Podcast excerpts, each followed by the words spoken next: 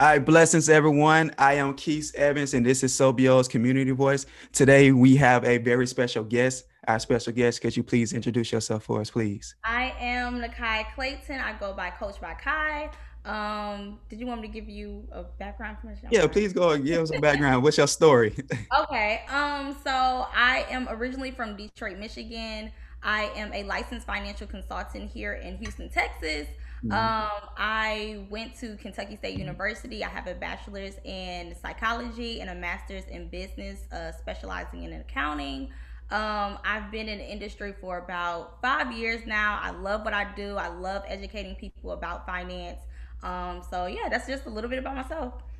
Exactly. It's quite unfortunate that you attended Kentucky State because you know you could have had the greatest opportunity at the Fort Valley State University, but at the same time, I still have love for you because you know that's that HBCU love. Yeah, you know, only we can talk about each other. You're good though. the reason I have you joining on today is because we always have this thing where where people talk about um, how finances and financial literacy is not taught in the school system. It's like that continuous argument, and it is like, can we stop talking about it and actually have a solution? So before we get into the solution, I just want to ask, like, what are your thoughts about like the importance of financial literacy being taught to middle school and high school scholars at an early age? Well, um, my thing is this, you know, I'm not an educator, especially not with, um, well, I am an educator, but not with middle school and high school students. Mm-hmm. Um, but growing up in Detroit, we never received any of those um, financial literacy classes. My mom is actually a math teacher. She's been teaching all my life. And yep part of her curriculum is, you know, studying financial literacy.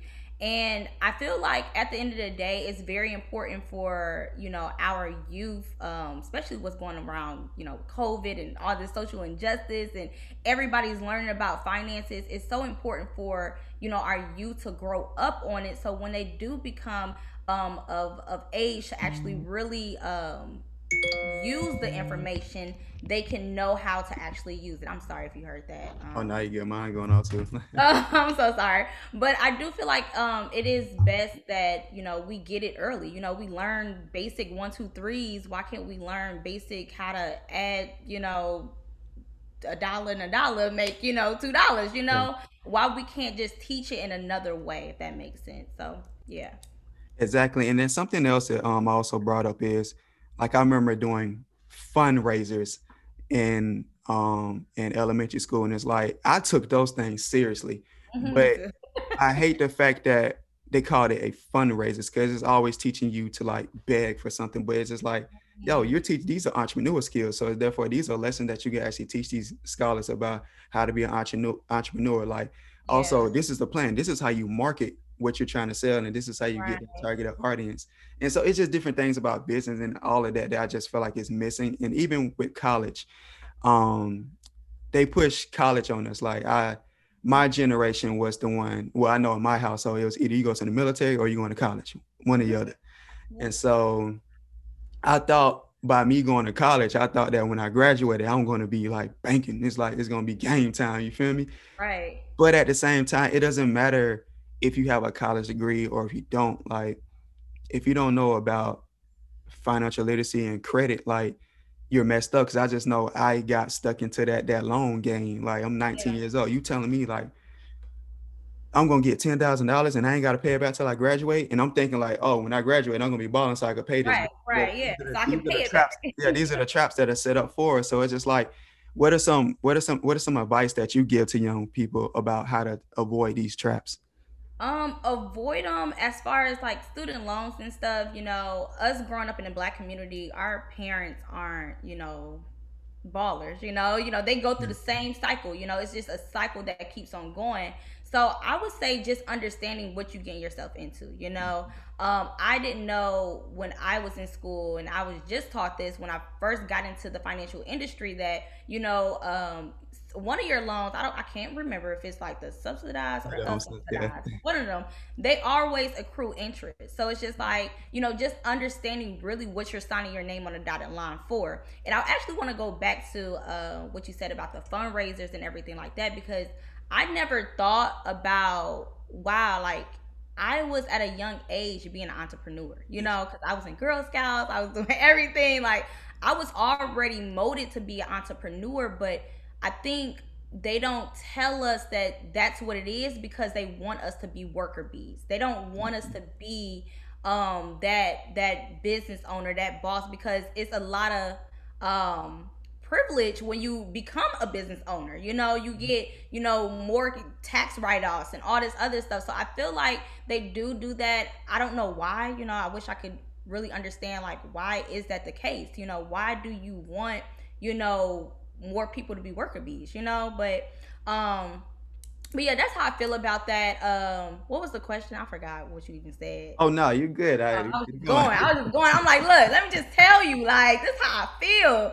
But at the end of the day, um, I feel like in us as college students, when we were in college, I feel like we should just know what we're getting ourselves into, and then once we get out of school, um, really understanding that you know you talked about credit, like credit is a big thing. It is so big, but if you're not really understanding to pay off your debt and really understand like budgeting and savings and everything like that, you're always going to be in this credit like, oh, I need my credit repair, all this other stuff.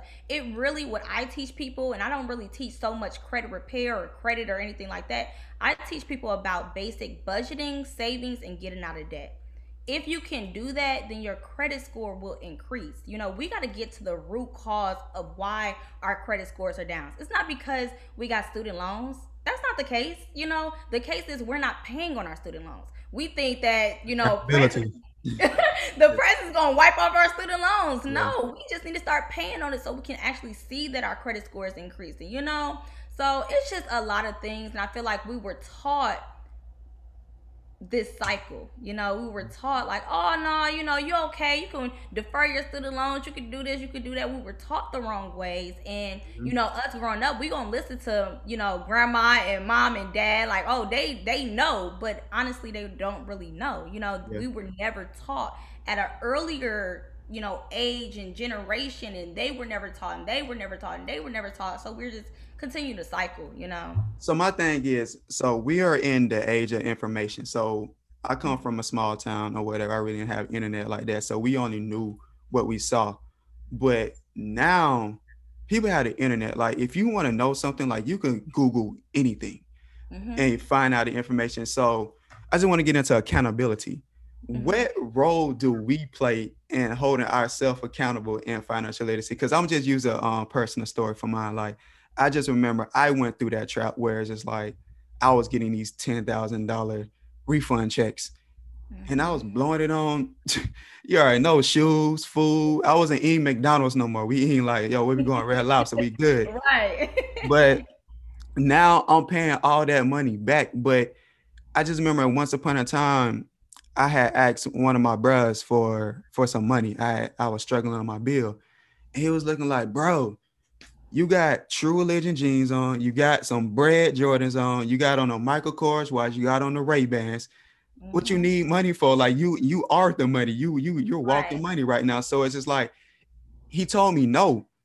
When he told me no, I was heated. You feel me? Because it's like I really needed that at the time. I was struggling on my bill, but um, I say like two years ago or last year, it was somewhere around that time. I actually called him back and I I thanked him because as I became wiser, I realized because he told me no, it allowed me to understand like you have to you have to basically like act on the things that you can control and not mm-hmm. complain. So it's like everybody complain, oh, we don't get this, I'm broke, I don't have this, I wasn't taught this. Mm-hmm. But it's mm-hmm. just like at what point do you sit down and take accountability and control the things that you can control? So I had a spending problem.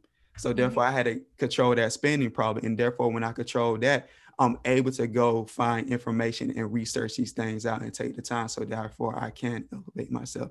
So, right. what is your thoughts about accountability? Because we know cancel culture is real, and we know that when you call people out on it, it's just like, oh, this person is an Uncle Tom with the woo. But it's just like, what role do we play in our own struggle?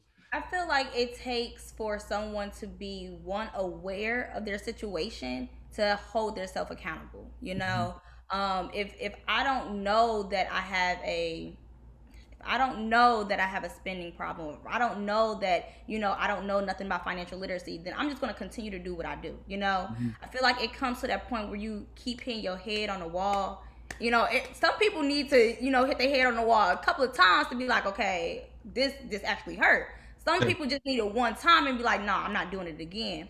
Um, so I think it just goes through with trial and error. Like people have to go through their own process to really understand, like, okay, now I got to get my stuff together. You know, for me personally, um, I've always been good at money and budgeting. Like I'm a super saver, like super saver. Like I will, I would eat like bologna sandwiches, everything, just to have you know a good savings account. But yeah. most people aren't like that, especially in our community. We want to, you know, buy our little Birkin bags, whatever it is, like that. You know, we want the materialistic things, but I feel like at the end of the day, it, it's with social media doesn't help because now everybody sees that everybody has it and they want to have it and it's just like you don't even have the income to actually get it. So it's like we're just in a whole cycle as is. But um for me personally i've always been a person to like you know what?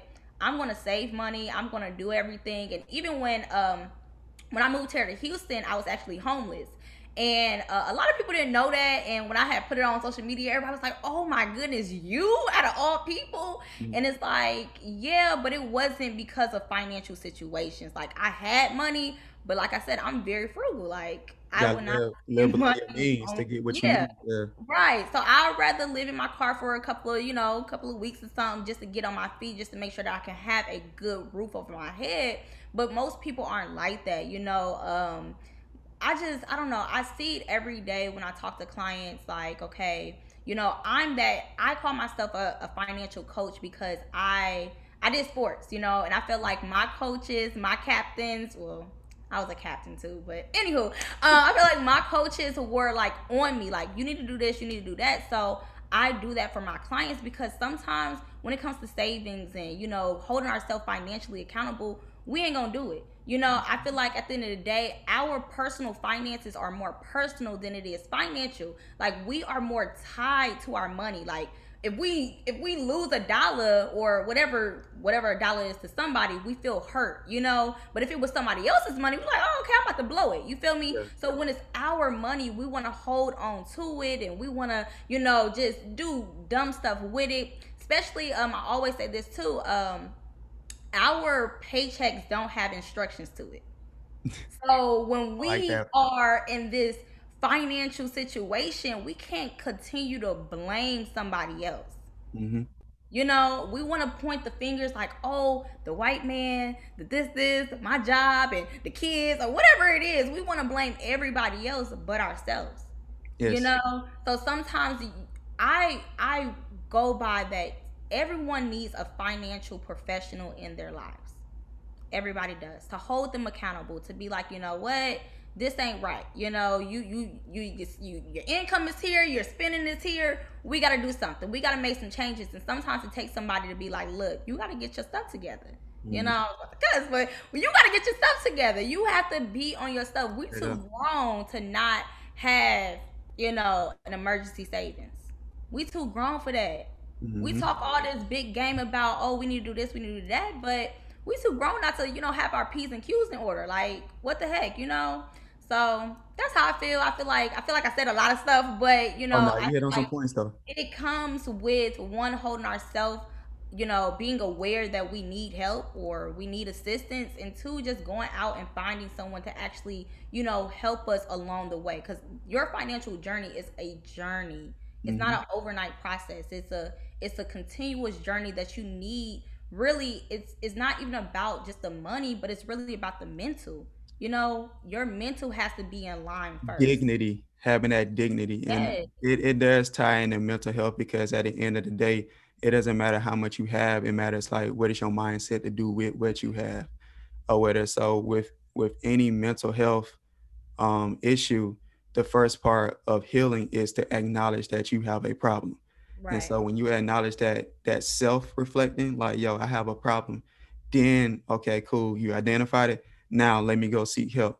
And so many of us refuse to take ownership and take accountability on ourselves, like, yo, I have a problem. And then it's it's so easy to point the finger and point right. the blame or mm-hmm. whatever. But it's like you got to really stand on your own two feet and be truthful to thyself. mm-hmm, yes. say, yo, I am the problem. Because I would tell my students, if it's meant to be, it's up to me. So mm-hmm. therefore, nobody like nobody is the the master of your fate, the captain of your soul, but you mm-hmm. or whatever. So okay, okay, I see you. I, I mean, see, I didn't know y'all AKAs knew about that. I see you. You know, I caught you. yeah.